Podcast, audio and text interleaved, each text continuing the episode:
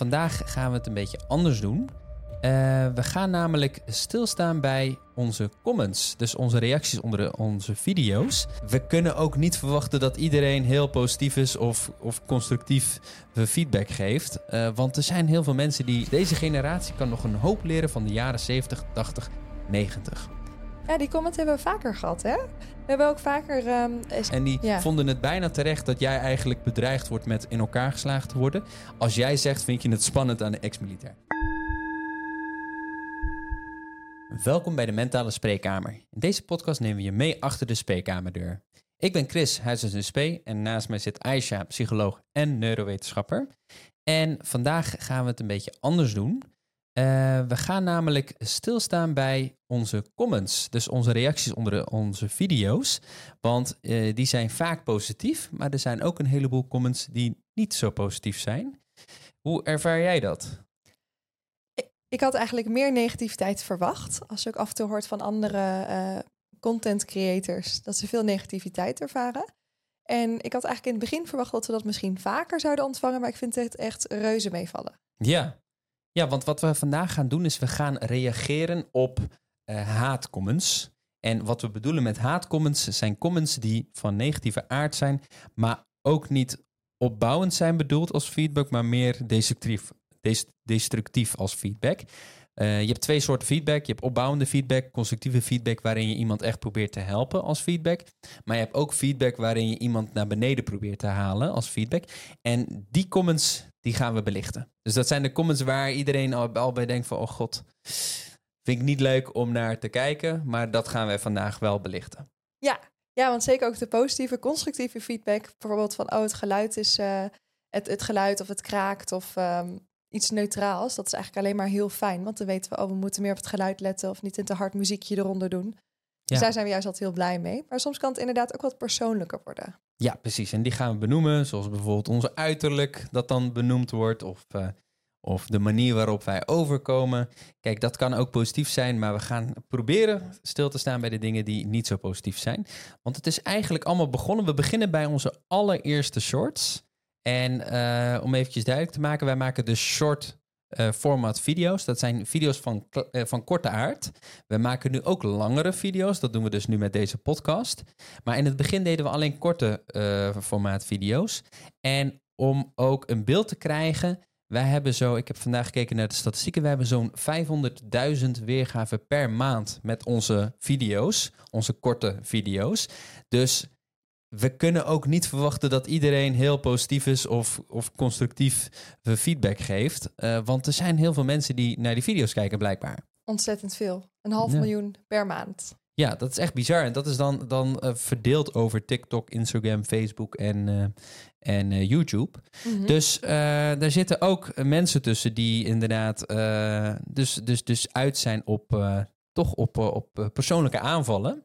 En wat is onze insteek van de podcast? Om gewoon puur te reageren? Of hebben we nog een ander doel? Nou ja, ik denk gewoon dat het leuk is om eventjes te bekijken inderdaad van waarom reageren mensen dat? En dat we kijken van eh, wat wij daarvan vinden. En uit sommige comments, die misschien ook misschien dus overkomen als haatcomment, kunnen we ook wat lessen halen. Dus gewoon daarom daar een beetje over te sparren. En ik ben Mhm. ook eh, nieuwsgierig naar de comments van onze eerste video's bijvoorbeeld. Oh ja, Ehm, gaat wel een belletje rinkelen inderdaad. Precies. Dus laten we daarmee beginnen. Onze allereerste video was opgenomen in Belize, geloof ik, op vakantie. Ja, Dat was dus in een, eh, in, een, in een jungle. En we kwamen op het idee. We hadden allebei eigenlijk dus dezelfde missie. Dat we allebei het idee hadden dat mensen pas vrij laat in een reis door hun psychische klachten bij ons terechtkomen. En vrij laat tips en adviezen krijgen. Ja, ja 100 procent. Ik bedoel, voordat eh, de gemiddelde cliënt bij mij is gekomen, dan loopt ze al drie tot zes maanden thuis met klachten. Dan gaan ze een keertje naar de huisarts. Nou, de huisarts verwijst ze meestal ook niet door. Zeker voordat er bijvoorbeeld eh, medicatie of zo eh, voorgeschreven wordt. En de mensen die dan bij mij komen, ja, die staan dan als ze pech hebben ook nog een tijdje op de wachtlijst. Of tenminste toen ik nog in loondienst werkte. Ja, Dus de standaard GGZ-instelling heeft flinke wachtlijsten. Dus pas op het moment, nou, echt misschien laten we zeggen een jaar nadat de klachten zijn begonnen, dan kom je pas bij hopelijk dan de juiste persoon die je wel de juiste informatie en vaardigheden en tips en tricks kan geven om daarmee om te gaan. ja, en dan ben je ook nog eens de ideale uh, cliënt slash patiënt, omdat je dan ook hulp zoekt. Er zijn ontzettend veel mensen die al jaren of tientallen jaren geen hulp zoeken bij hun klachten. Dus wij hoopten eigenlijk via deze route toch in je handen terecht te komen, zodat we toch de tips en adviezen kunnen geven die wij normaal pas in de spreekkamer geven. Dus dat was ons doel. Mhm. En we zaten dus in Belize en toen moesten we onze eerste video opnemen en daar hadden we dus een skip voor bedacht.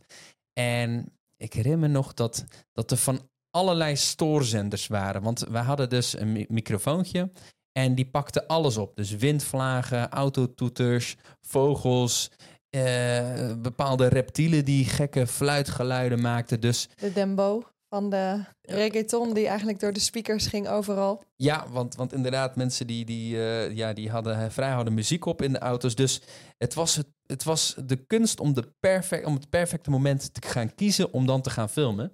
Dus je raadt het al, we waren twee, drie uur bezig met één kort videootje. En ehm, toen kwam het moment supreme, namelijk dat we 10 minuten de tijd hadden, omdat daarna de zon onderging, om het te doen. En nu hadden we geen excuus meer om te zeggen van, hé, hey, we moeten opnieuw doen. En toen ging jij je video opnemen. Ja, dat herinner ik me nog. Je allereerste. En wat, wat, wat, wat we kunnen meegeven als spoiler is dat die de meeste reacties hadden, had. En dat dat onze eigenlijke, onze eerste kennismaking was met dat er op het internet ook aardig wat mensen zijn die negatief kunnen zijn over persoonlijke eigenschappen. In plaats van alleen maar feedback geven of bijvoorbeeld een complimentje geven. Ja, het is in die zin op het moment dat je zo'n concept begint op de social media en dat je begint met praten en vertellen. Je moet allemaal ergens beginnen en je geeft je op dat moment echt bloot. En dat kan dus positief opgevat worden, maar ook negatief. En in dit geval, nou, was het niet super positief. Over het algemeen, hè, waren ook wat positieve comments tussen. Ja, en ik denk ook eerlijk gezegd dat achteraf denken wij nu ook van dat er heel veel negatieve comments waren. Maar ik heb net even gekeken en er waren ook best wel wat positieve comments. Dus het zou kunnen zijn dat de negatieve comments zo overheersend waren dat we echt dachten dat de video toen flut was. Ja, als in een negativiteitsbias, dat je echt de negatieve dingen veel meer onthoudt Mhm. en veel meer de focus op legt en dat je de positieve eigenlijk vergeet of bagatelliseert. Ja, precies. Want je zou het zelf maar eens moeten eh, kijken. Ik denk dat eh, elke luisteraar misschien wel ooit iets heeft gepost op eh, social media. Dat je vanzelf een beetje scant door de comments. En dat de negatieve comments, dat je daar extra op gespitst bent. En die het beste blijven plakken. En dat is dus wat je zegt. Dus dat is dus die negativiteitsbias. Ja, En dat heerst vast wel uit, uit de oertijd. Hè? Dus dat we, evolutionair voordeel, absoluut. precies, dat we, dat we bij elk geluidje van het bosje niet denken van, oh, dat is gewoon een windvlaag. Maar dat zou misschien ook een leeuw kunnen zijn. Dus dan moet ik kunnen, weg kunnen rennen. Dus dat is het idee dat we dat ook bij comments doen. Terwijl comments eigenlijk geen direct gevaar zijn. Dus we zijn nog niet geüpdate op dat gebied. Nee, en sterker nog, je moet ook bedenken dat in de oertijd, we zijn eigenlijk zulke, zulke groepsmensen, en zeker voor de vrouwen, ehm, je overleeft het eigenlijk niet als je niet in de groep past. Want als je als jager-verzamelaar, ja, in je eentje kan je niet, of ja, sommigen misschien wel, maar de meeste, die je kan niet en een hut bouwen en voor de kinderen zorgen en besjes plukken en veilig blijven. Dus in die zin ook dat gevoel dat je bij een groep moet horen, dat die sociale cohesie, dat heeft vanuit de oertijd dus ook echt een evolutionair voordeel. Dus in die tijd, als je stel je voor dat je een heel ehm, moeilijk persoon bent, of heel moeilijk bent in de communicatie of in de omgang. In de oertijd, als je werd buitengesloten van de groep om een persoonlijke eigenschap of om een karaktereigenschap, dan hoorde je er niet bij en dan was je overlevingskans echt dusdanig kleiner. Ja, precies. En als we nu heel veel negatieve comments krijgen, wordt onze overlevingskans niet, niet groter, eh, niet kleiner, denk je. Maar eh, goed, toch denkt ons brein daar soms anders over. Want zullen we beginnen met de eerste comments? Even kijken. Misschien ook goed om even te vertellen wat voor video dat was. Dat was volgens mij een video waarin Ja. jij. Waarin ik eh, mezelf ging voorstellen. En ik kan me nog herinneren, inderdaad, wat je vertelde. Was heel veel eh, druk zat erachter. We hadden echt een, een tijdframe van vijf minuten. En ik had ook nog niet zo heel veel ervaring met voor de camera staan. Dus in die zin vond ik het best wel spannend. Want ik moest iets gaan doen wat ik nog nooit had gedaan. En in die zin, we hadden onszelf ook niet in die zin eh, uren voorbereid of duizenden takes genomen. We dachten gewoon van, hey, dit is het plan. We hebben, nou, in dit, in dit geval dus een tijdframe van 10 minuten. Laten we het gewoon doen en we kijken wel hoe het uitpakt. Ehm, en dit was een video waarin ik mezelf voorstelde, waarin ik volgens mij vertelde ook dat ik ehm, twee masters heb gehaald, best wel goed had afgerond. En ook dat ik psycholoog was, een aantal jaren met cliënten werkte. En volgens mij verder nog iets in de trant van wat onze missie was, denk ik, gewoon de mensen te bereiken en mensen te helpen. En Ja. dat dat onze concept ging worden. Gewoon een voorstelronde eigenlijk. Precies. Ja, en wat we dan terugzagen in de comments. Bijvoorbeeld een van de comments was... Chris en ik, mevrouwtje, afgestudeerd. Ja, dat kan ik me nog herinneren inderdaad. Dat is op zich, daar zit wel een element ehm, Want het punt is opbouwende dus... kritiek. Ja, ik zei dus ik en Chris. En ehm, dat wordt dus denk ik dan geïnterpreteerd als dat je onbeleefd bent... of alsof je niet de ander ehm, ja, er, er goed genoeg bij betrekt. Maar in dit geval, in mijn geval was het gewoon... ik vond het spannend. Ik moest een aantal zinnen onthouden. Ik was nog niet helemaal getraind in een kort tijdsframe. En ja, dan verspreek je je wel eens. Ja, ja dus in principe eh, goede feedback, Chris en ik. En dat mevrouwtje afgestudeerd, dat is dan een beetje een, een sneer. Ja, Ik vraag me dan af waar dat vandaan komt. Misschien is het toch een beetje... ehm, ja, omdat je het had over je masters, dat dat toch mensen triggert als je een 9 hebt. Of ik, ik kan me wel voorstellen, op de, op, de, op de middelbare school had je dan ook inderdaad soms mensen die zeiden van, oh, ik heb een 9. En dat de rest dan allemaal een beetje, niemand was van, oh, wat goed. Je bent super lekker bezig, maar de rest van, oh ja, ja dan heb je er weer. Dus misschien dat dat toch een primitieve reactie is die is blijven hangen bij Ja. mensen. Dus eh, mensen houden er niet, er niet van dat je eigenlijk zulke prestaties hebt behaald, lijkt bijna. Ja, of misschien meer het kader dat als je jezelf dan positioneert van... hé, hey, ik ben degene die in dit geval dan een 9 heeft gehaald eh, voor een master... ehm, dat je jezelf dan positioneert als je denkt van... nou, als je, als je dat behaalt, dan moet je eigenlijk overal altijd alles goed doen. En dan mag je misschien ook geen fouten meer permitteren. Ja, Dus hè, als je jezelf dan zo positioneert van... kijk, ik heb voor twee masters een 9 gehaald... eh, dan mag je geen enkele fout maken, want anders dan... Hè, dan willen ze eigenlijk die 9 ook devalueren, denk ik. ja, precies. Dat ze denken van, oh, je hebt, je hebt spanning, maar je hebt ook een 9. Dat klopt niet. Dan Ja, moet je dit ook goed doen, mevrouwtje. Ja, dat je eigenlijk in, in, in elk opzicht dan Ja. dat goed moet doen. En dat je ja, geen fouten mag maken. Dat denk Ja. ik. Nou, de volgende comment, die was, eh, of een van de volgende comments. Volgens mij ben je zelf nog wat overspannen. Sorry dat ik je stoor. Uit onze statistieken blijkt namelijk dat 80% van al onze luisteraars nog niet geabonneerd is. Terwijl dit gratis is en ons enorm helpt. Dus mocht je deze podcast interessant vinden en willen ondersteunen, pauzeer dan deze podcast, abonneer je op ons kanaal en laat een duimpje of sterren achter. Dit motiveert ons om door te gaan en zorgt ervoor dat we elke week op zondag om 12 uur een nieuwe aflevering kunnen opnemen. We gaan weer verder met de podcast. Nou ja, wat... eh, Nou, ja. ik was op vakantie toen, dus ik denk... eh, Nee, nee, ja, je zag wel natuurlijk dat het je eerste keer was. En ik denk dat, dat, dat als iemand een camera naar je toe richt en zegt we gaan een video maken. En ik was vrij nuchter en ik zei ook van nou jongens, eh, laten we, of eh, jongens, eh IJs, laten we gewoon 100 video's maken. En de eerste die zal zeg maar Mhm. minder goed zijn dan de honderdste. Maar je moet gewoon door blijven gaan, consistent zijn en dan wordt het beter. ja, nee, absoluut. Daar ben ik het ook 100% mee eens. Maar ik kan me nog in die tijd herinneren. Ik was ook niet echt de persoon die eh voice berichten of of voice chat stuurde. Dat vond ik ook altijd best wel ongemakkelijk om gewoon uit het niks te praten. Omdat ik dan het idee had van, oh, dan moet ik nu alles goed zeggen. Ja. Ehm, en dat was in die tijd, nou ja, nu doe ik het heel makkelijk. Ik doe nu eigenlijk bijna niks anders met eh Chris en Aisha. Ja, Maar dat is in die tijd, eh, was dat ook gewoon best wel onwennig. Precies. En dat snap ik ook. En Eh, ik denk ook dat je dat wel terug hoort een klein beetje in je stem. Of je, ja, je, als iemand gespannen is, dan zie je dat wel. Ja, en anders eh, als je als Dan je, afvraagt wat, je, wat we bedoelen, dan kan je naar onze allereerste video kijken. En wens ik je veel scrollplezier alvast. Ja, ja, ja, dan moet je wel scrollen, want we hebben, even kijken, volgens mij tot nu toe 700 video's opgenomen. Zou goed kunnen. We, nemen, we hebben elke dag een video, dus dat eh, tikt wel op een duur aan. We zijn nu bijna twee jaar bezig, nog een paar maanden. Dus ja, reken maar uit. Ik nou, zat ook te denken aan 500 of zo. Ja, 5 tot 700. Maar we hebben natuurlijk ook andere video's. Dus dat, eh, dat tel je er natuurlijk bij op. Maar goed, de volgende comment. En ze is mega zenuwachtig voor iets. Ja, dat klopt.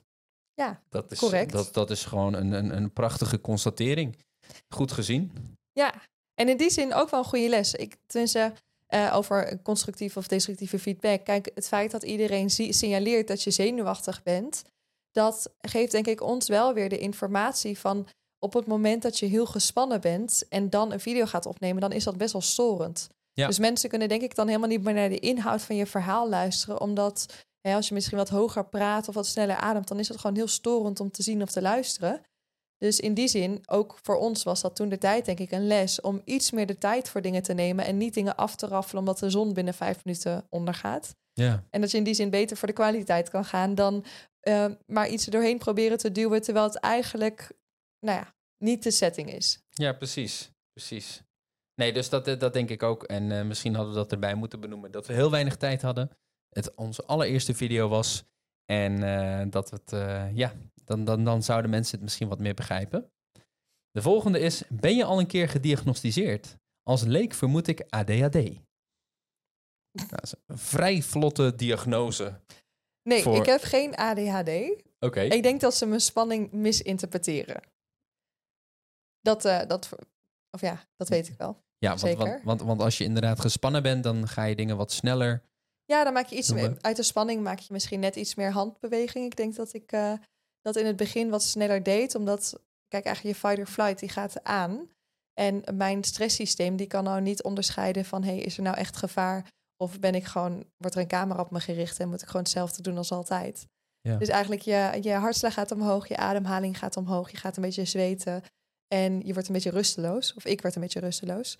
Dus ja, je maakt net iets meer handbewegingen dan dat ik nu zou doen. Ja, precies. Maar dat is absoluut geen ADHD. ADHD, eh Ja, dan die- zou ik die- misschien niet uit mijn woorden kunnen komen. Nee, precies. Dus die diagnose heb je niet zomaar gesteld. Even kijken, ik heb ook... ehm, eh, even kijken, interessante... Meisje, let een beetje op je ademhaling. Constructieve feedback.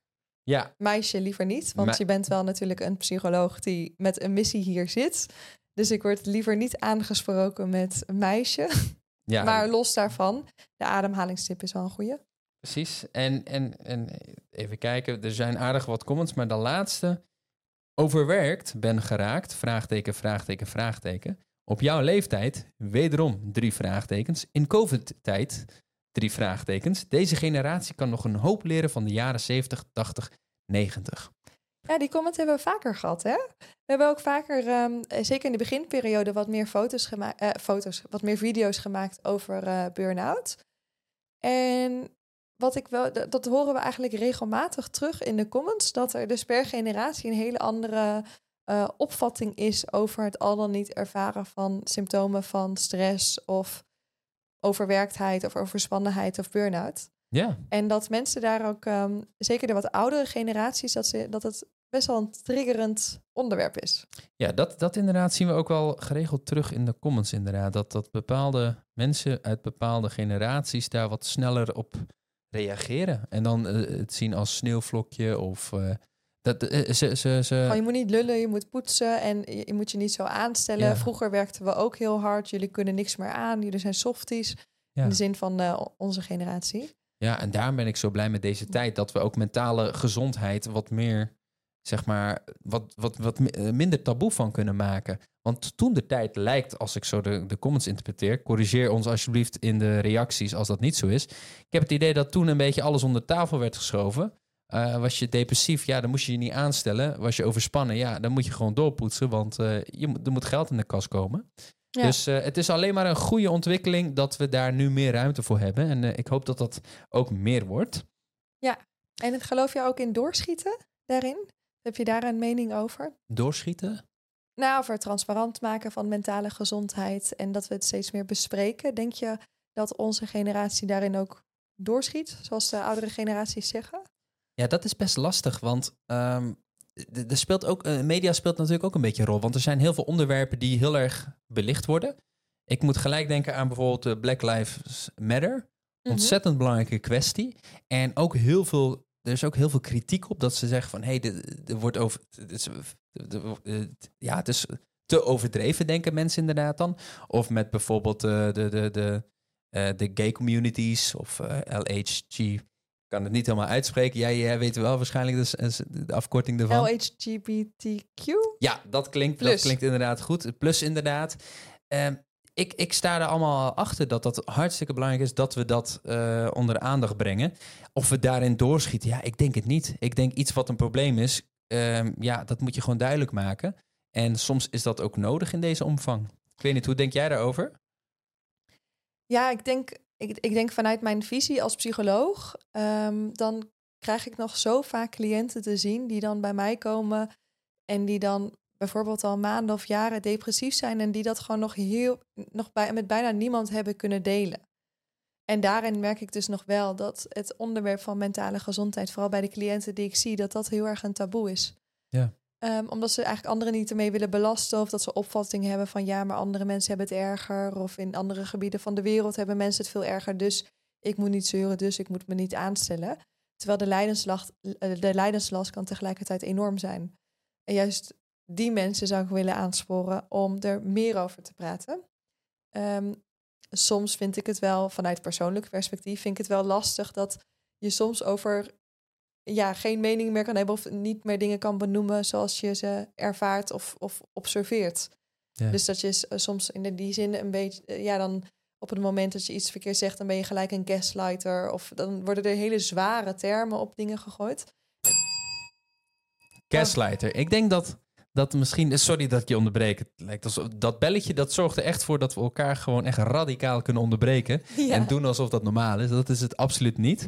Maar gaslighten. Dat is super hip. Ik denk dat, dat alleen mensen die, die Netflix kijken en Videoland kijken... weten wat het is in Nederland. Mhm. Maar wat bedoel je daarmee? Ehm, ja, het is een moeilijke term het is ook, een hè? hele moeilijke term. Ik zit zelf even te denken. Ehm gaslighten, dat gaat ongeveer als volgt. Ehm, stel je voor dat je samen met iemand een gesprek hebt. En stel je voor, ik uit me bijvoorbeeld emotioneel... of ik uit mijn gevoelens of ik vertel dat ik iets vervelend vind... dat dan eigenlijk de andere partij dan tegen je zegt zo van... oh, je bent moeilijk. Of die geeft jou eigenlijk de schuld van dat jij iets ervaart.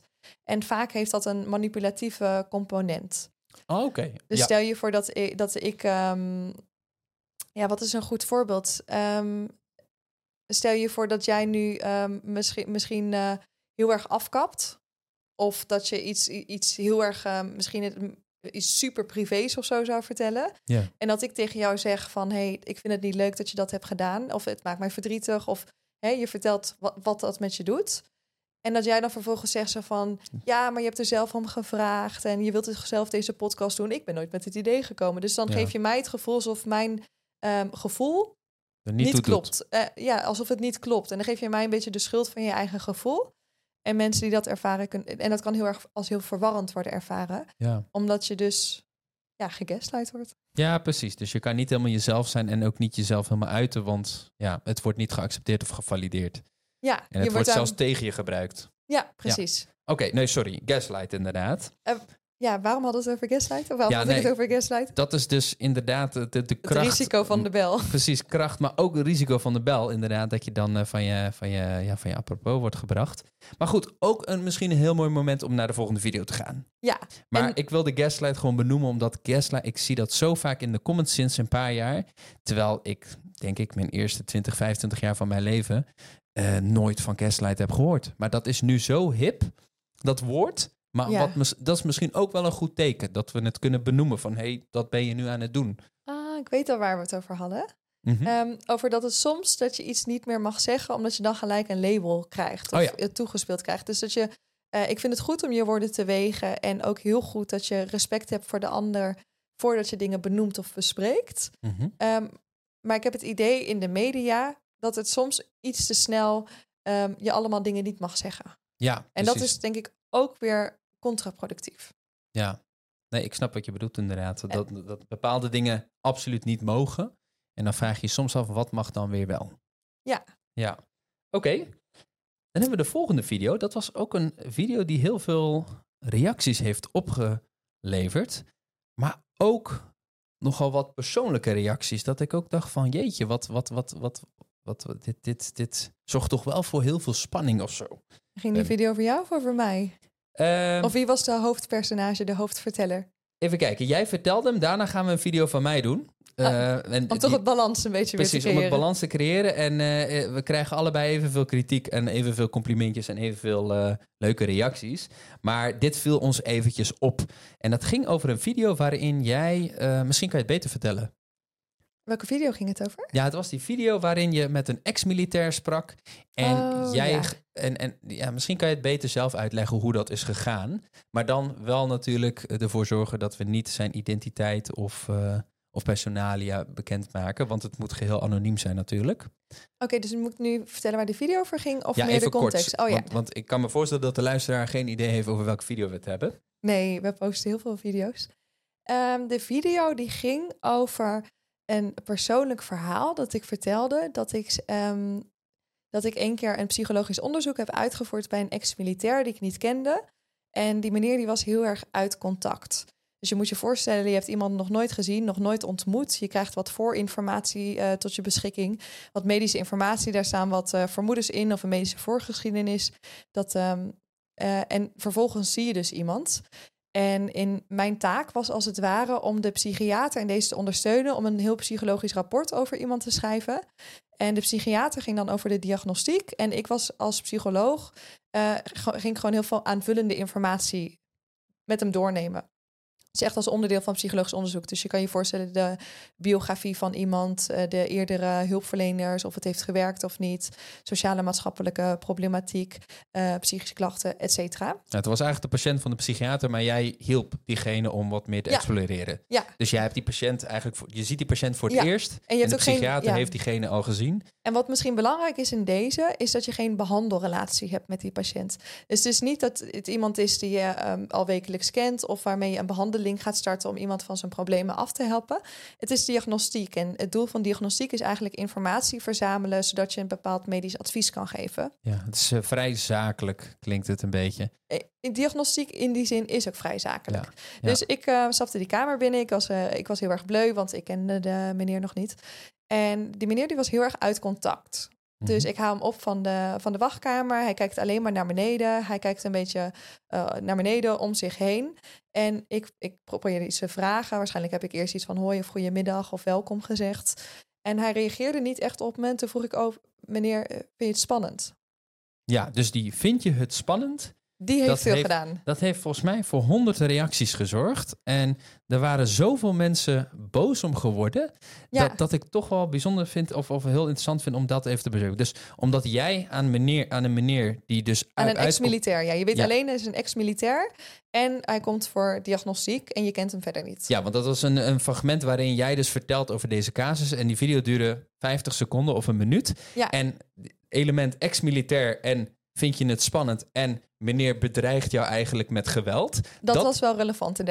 Dus zijn reactie inderdaad op, vind je het spannend? Eerst reageerde hij niet, vroeg nog een keer, oh, vind je het spannend? Omdat hij nog meer uit contact leek te raken. Ja. Toen zei hij van, nou je moet blij zijn dat je een vrouw was, want als je een man was geweest, had ik je al lang geslagen. Ja, precies. En, en wij dachten meer van, Kijk, als, als, als, je, als je iemand ziet tegenover jezelf en er valt iets op, dus bijvoorbeeld diegene die, die, uh, die is bijvoorbeeld heel onrustig, dan zeg je als zorgverlener: Ik merk aan u dat u onrustig bent. Klopt dat? Want je wilt eigenlijk niet bepaald gedrag vermijden. Je wilt het gelijk bespreken, zodat je het gelijk kan tackelen, het probleem. En jij hebt dus in dit geval gezegd: Vind je het spannend omdat je geen reactie kreeg? Meneer keek om zich heen, was onrustig. Ja.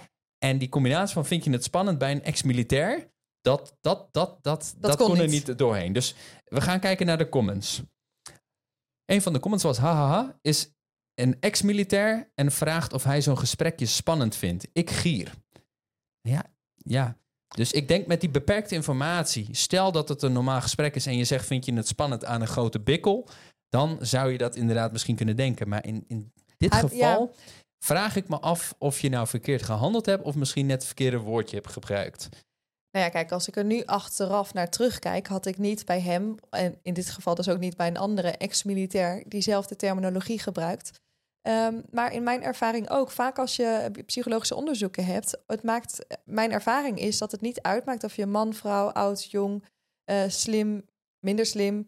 Dat maakt allemaal niet uit, want iedereen vindt een psychologisch onderzoek spannend, want daar komt iets uit. Snap je? Daar komt een, een, een, advies uit of diagnostiek uit. Dat vertelt je iets over hoe je verder moet gaan leven met je klachten.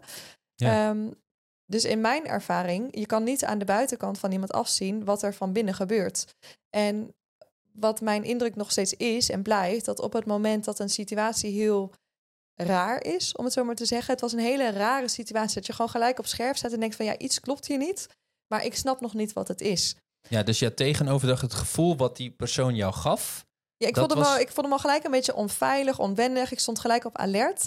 En ja, daar moet je toch iets mee. Ja. En in die zin, als iemand uit contact is, ja, dan ga je niet beginnen met van ehm, ehm, eh, wat is je band met je vader? Nee, precies. Je moet het absoluut niet vermijden, inderdaad. Maar wat deze persoon dan waarschijnlijk het liefst in die één minuut over een uitgebreide casus waar je een uur mee bezig bent had gehoord, is van vind je het ongemakkelijk. Maar goed, dan kan je ook weer zeggen, nou, ex-militair die vinden dit soort dingen niet ongemakkelijk. Maar ik denk dat we ons daar ook flink in vergissen dat zelfs de grootste, eh, stoerste mannen op deze aarde het ook moeilijk vinden om te praten over hun gevoel of psychische klachten. Ja, en in die zin, kijk, ook als je het over hoogtevrees hebt. Ik bedoel, eh, hoogtevrees is een veel voorkomende fobie. Eigenlijk een veel voorkomende eh, situatie die voor veel mensen angstig is. En ook als je in je omgeving kijkt, ook hele stoere, gespierde, eh, brede mannen, die kunnen ook hoogtevrees hebben. Ja, Dus waarin verschilt dan ook een hoogtevrees? Ja, ja het is een beetje het, het stereotypering ja van dat als je een groot bent, militair, die heeft een- waarschijnlijk geen hoogtevrees. Maar Als je een grote man bent, als je sterk bent, als je een testosteronbom bent, dan mag je niet kwetsbaar zijn. Je moet dan, je kan dit dan allemaal aan. Het is allemaal een eitje, want je bent een man. Maar ik denk dat daar ook heel veel mannen onder sneuvelen. Dat ze zeg maar een soort van stereotypering aangeplakt krijgen van hé, hey, jij hoort dit niet spannend te vinden, want je bent een ex-militair.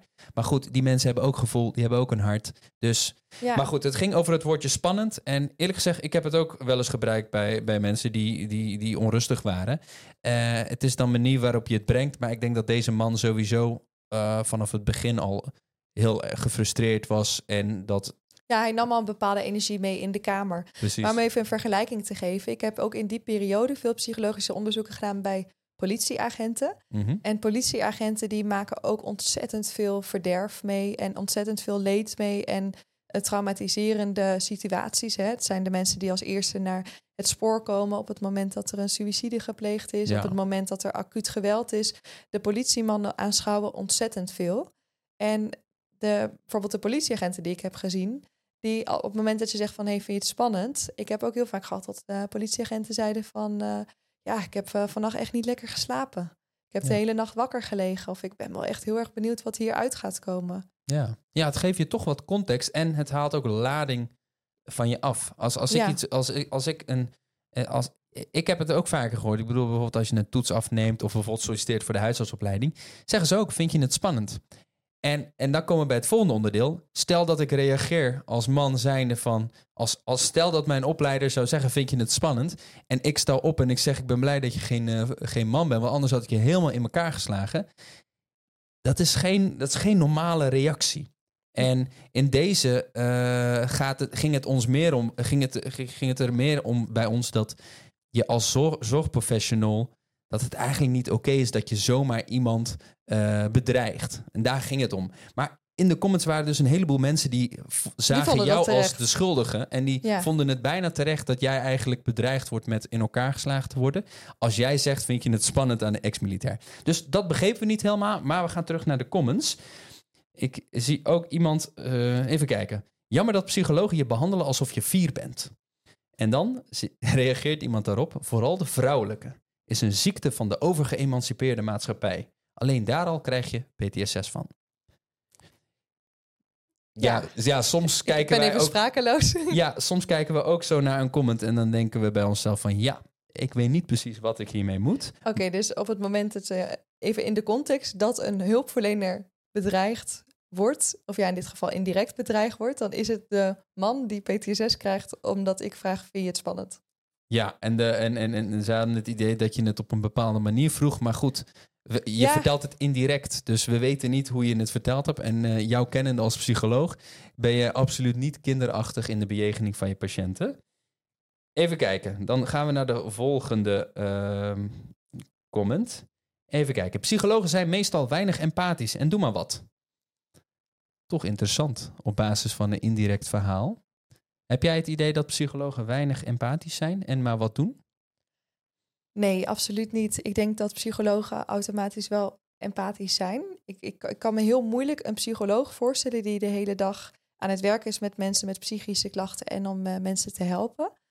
Ehm, dat, en dat, dat, dat je dan weinig empathie hebt. Want ik denk dat je anders een heel ander vakgebied kiest. Als je heel Ja. rationeel van aard bent en graag bij jezelf blijft, ja, dan zie ik je eerder eh, fiscalist worden of ehm, in, in de economie werken of met eh, cijfers. Ehm, ik, ik kan me wel goed voorstellen dat stel je voor dat je een psycholoog hebt gehad waarbij je niet gezien of niet gehoord voelt, ehm, dat dat je conclusie kan worden en dat je dat generaliseert naar alle psychologen. Ja. En ik denk ook binnen de psychologie, je hebt verschillende type therapieën. En dat is denk ik ook wel belangrijk voor mensen om te weten. Kijk, op het moment dat jij, eh, laten we zeggen, een angststoornis hebt, dan ga je eigenlijk heel erg klachtgericht te werk. En dan, ik als psycholoog, ben dan ook bijvoorbeeld wat strenger, omdat je iemand door zijn angst heen wil helpen. Terwijl je hebt ook, ik zeg maar, op het moment dat je um, somber bent, of op het moment dat er uh, nare dingen in het verleden zijn gebeurd, dan passen daar veel empathischere type therapieën bij. Dus het is niet alleen de psycholoog, maar het is ook het type therapie en ook je verwachtingen. En ik denk dat op het moment dat je niet gezien of gehoord voelt door je psycholoog, bespreek dat dan. Ja. Want als het goed is, zijn we allemaal flexibel. En wij zien heel veel verschillende soorten en type mensen en verschillende soorten en type klachten. En als het goed is, zijn we gewoon flexibel genoeg om op jouw behoeften af te stemmen. Ja. Dus bespreek het vooral. Precies, en dat lijkt me ook inderdaad heel goed, uh, een, een, goed advies. En dan even terugkomend op de comments. Even kijken. Um, iemand, dat, dat vond ik ook wel mooi inderdaad. Er waren dus een aantal mensen die, die dat absoluut niet vonden kunnen. Dat, uh, dat, jij, dat jij zei, vind je het spannend? En daar ontstond een soort van conflict in de comments. Was best bijzonder. Dat hebben we eerder niet echt zozeer meegemaakt. Dat mensen onderling in een strijd gingen met elkaar.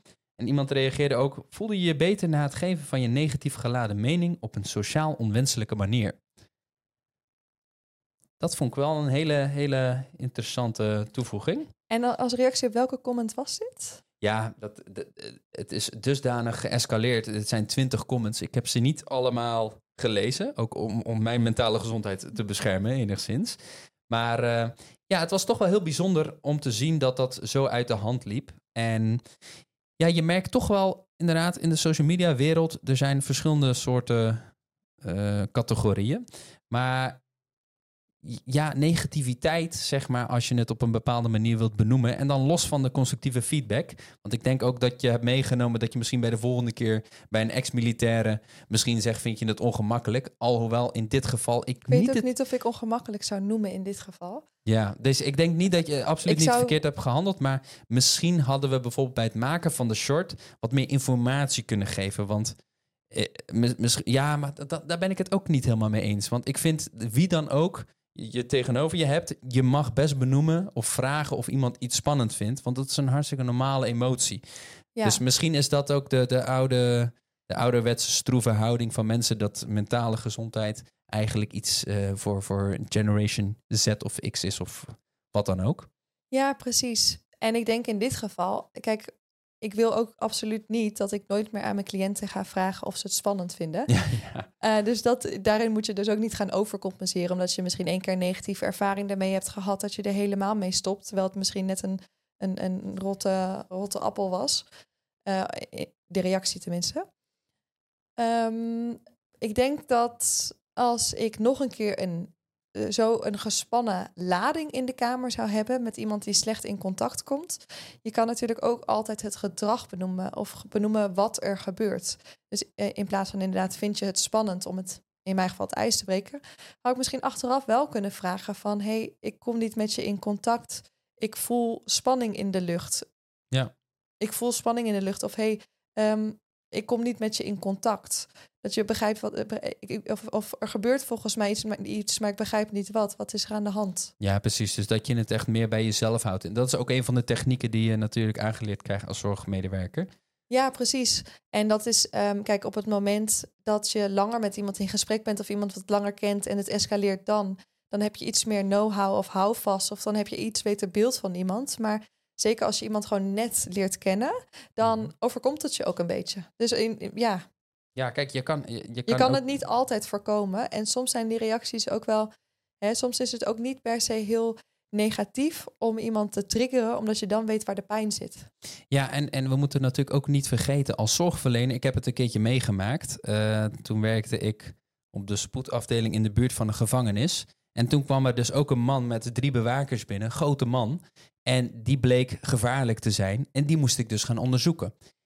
Ik kan je vertellen, op dat moment zal ik misschien ook niet het meest scherp zijn of meest tactisch zijn of wat dan ook. Het was Ja. niet, niet dat ik dan gekke dingen zeg, maar soms soms dan, dan, dan schat je die situatie ook misschien door de spanning die je op dat moment hebt, niet Ja. helemaal correct of, of in detail goed op. Dan als je bijvoorbeeld ontspannen bij een, bij, bij een niet, niet crimineel, Ja. om het even zo te noemen, cliënt zou zitten. Dus Ja, je bent ook mens uiteindelijk. precies, Dus ja, precies. Dus dat hoort er ook gewoon een beetje bij. En om ook. eh, Misschien om af mijn- te sluiten richting jou? ja, ja, ja, zeker. Want we gaan richting de afsluiting inderdaad. We hadden ook een video over mij. En dat ging. Ik heb daar nu geen. geen eh, ik, ik heb daar hier een aantal comments over. Maar dat was een video waarin ik ging vertellen over. eh, volgens mij was dat over, een sla, over slaap. Van eh, een paar slaaptips. En ik had een zin volgens mij van. ehm, dit moet jij doen. Want dat is hartstikke goed voor jou. Of dat zorgt ervoor dat je beter kunt slapen. En de reacties waren eigenlijk. Alles aan deze video gaat goed, behalve jouw neus. Oh, dat is onaardig. Ja. Dus dat, toen dacht ik bij mezelf van, nou, nou ja, klopt.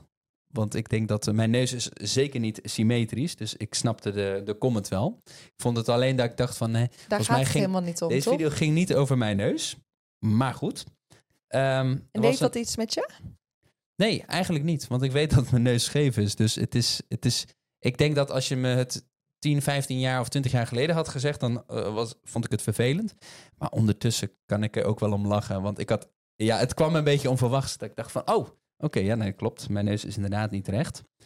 En. ehm, even kijken. Ja, de, de, de andere comments. Er was nog een comment. En die ging over. Dat was eigenlijk precies hetzelfde. Maar die zei van. ehm, het is leuk dat je adviezen geeft, maar misschien moet je iets met je neus doen. Vaker over de neus. Ja, de neus is bij mij inderdaad mijn Achillespees, waar men heel graag op schiet. Ehm, dus dat is wel bijzonder. En ehm, ook misschien om wat meer context te geven over mijn neus. Ik heb een broer en toen wij jong waren, ehm, ja, je weet hoe dat een beetje gaat, hè? Twee jongens, twee broers, dat is heel vaak ruzie. En hij wilde mij een keertje slaan op mijn schouder. Ik draaide weg en hij sloeg me op mijn neus. En toen brak hij deels mijn neus. Dus dat heeft mij, eh, mijn neus inderdaad eh, ja, asymmetrisch gemaakt. En eh, dat zorgt dus soms voor zo'n comment. Oh, dus voortaan de comments naar hem doorsturen van nee, thanks hè. Dankjewel, dankjewel inderdaad. Nee, maar het doet me, het doet me, ja, het doet me niks eigenlijk. Dus, Zijn er eh, andere negatieve comments blijven plakken? Of, eh, Nee, niet zozeer. Ik, ik heb, je hebt toch liever, ehm, je hebt toch liever een reactie over iets waar je niks aan kan doen of eh, eh, waar je niet onzeker over bent. Dus stel dat ik onzeker was over bijvoorbeeld, ehm, ik noem maar wat, mijn wallen. Ik heb wallen, maar ik ben ook aardig vermoeid door de post-covid, dus ik slaap perfect. Stel dat mensen inderdaad zeggen van je hebt wallen, dan denk ik van ja, dat klopt. Want ik ben ook vermoeider en ik kan ook minder hebben met die post-covid. Maar stel dat ik bijvoorbeeld twijfel over mijn communicatiestijl. En Mhm. iemand vertelt van, hé, hey, jouw communicatiestijl, precies datgene waar ik onzeker over was, dat iemand dat benoemt, dan komt dat wel diep. Ja, en dat is denk ik ook vaak hoe dat zit met eh, negatieve opmerkingen. Op het moment dat je het zelf gelooft, Ja. dan komt het hard aan. Of als je ergens zelf over twijfelt, of als je zelf ja, er geen goed gevoel bij hebt, of het niet volledig geaccepteerd hebt. En als iemand je daarop pakt, nou, die gaat diep. Precies. Dus dat is inderdaad, eh, die zijn niet fijn. Maar dat heb ik tot nu toe nog niet meegemaakt. En dat wil absoluut niet zeggen dat ik geen negatieve reacties krijg of aanvallen krijg van zogenoemde trolls. Maar ja, ik heb daar nu nog niet zoveel last van. En ik denk dat jij ook hetzelfde ervaart dat hoe langer we hiermee bezig zijn, hoe meer we ook gewend raken aan dat dit er gewoon ook bij hoort. Ja, zeker, zeker. En ik heb ook gemerkt dat als wij bijvoorbeeld, zeg voor iemand plaatsen negatieve comments, soms dan eh, reageren we ook, soms ook niet. Maar soms vragen we ook gewoon een open vraag van, hey, hoe zou jij dat dan aanpakken? Ja. En dat mensen dan, nou, soms worden ze, nou, blijft het negatief. Maar soms is het ook van, oh ja, ik, ik weet het eigenlijk ook niet zo goed. Of misschien kan dit voor het helpen. En dan kan eigenlijk die vraag maken dat het van een negatieve haatcomment eigenlijk meer constructief wordt. Ja. Of neutraal. Ja, want ik denk dat je uit elke comment, of ja, elke comment absoluut niet. Maar uit denk ik 80, 90 procent van de comments zeker wel iets kunt halen. Dus we nemen het absoluut serieus, elke Blijf reactie. reageren alsjeblieft. ja, En ook als je constructieve feedback hebt, of neutrale feedback, of eh, Of destructieve feedback. destructieve feedback, maar nog enigszins te flippen bent eventueel, blijf ze vooral plaatsen. Want eh, ja, wij zijn hier natuurlijk ook voor jullie. En om jullie te helpen en jullie een richting te geven over de onderwerpen die jullie interessant vinden. En Ja. wij zijn ook in ontwikkeling. Dus daarin zijn eigenlijk tips en comments altijd super welkom. Ja. Positief, negatief, neutraal. Precies. En als je iets wilt delen over jezelf, doe dat. Want wij maken echt tijd vrij om te reageren. En Mhm. eh, soms ook algemeen advies te geven in de reacties. Ik denk dat we van voor vandaag genoeg hebben gehad. Laat ons vooral ook weten in de reacties wat je van deze aflevering vond. Vind je dat we vaker bepaalde reacties moeten belichten of niet? Eh, het is altijd fijn om daar feedback over te krijgen, want dan weten we of we daarmee moeten doorgaan of niet. We gaan zeker het normale format behouden, maar we dachten meer voor vandaag eventjes wat anders. Ik wil wel een eh, tip van de week geven. Ja, nee, die, die, die, die krijg je zeker. Ja, vertel. Tip van de week is: stel je voor, ehm, je, plaatst, je plaatst een foto. Ga niet alleen op zoek naar de negatieve comments, maar lees alle comments, inclusief de positieve comments. Want mensen zijn vaak geneigd, eh, inclusief wij denk ik, dat je dus de meeste aandacht besteedt aan de comment die net, zo, net, net niet positief was, of aan degene die misschien net geen comment heeft gegeven, dus iets wat ontbreekt. En al het positieve en al het constructieve, dat zijn we geneigd om sneller doorheen te gaan, waardoor de weegschaal ja, eigenlijk de verkeerde kant op slaat. Ja, precies. Dus eigenlijk de negativiteitsbias. Probeer deze week echt te letten. Of het nou in je reacties is of op werk. Stel je hebt een hele dag cliënten. Probeer je focus ook vooral te leggen op de dingen die goed zijn gegaan. In plaats van de dingen die minder zo goed zijn gegaan. Ja, super. Wees lief voor jezelf. Nou, voor nu, dankjewel dat je erbij wilde zijn, Aisha. Jij ook? Ja, en voor de luisteraar, dankjewel dat jullie weer vandaag erbij waren. Dat jullie wilden luisteren. Als je het een leuke aflevering vond, vergeet dan absoluut niet om te abonneren. Dat helpt ons enorm en daardoor gaan we gewoon lekker door met deze podcast. En voor nu wil ik jullie eh, bedanken en eh, zou ik zeggen tot de volgende week. Tot volgende week.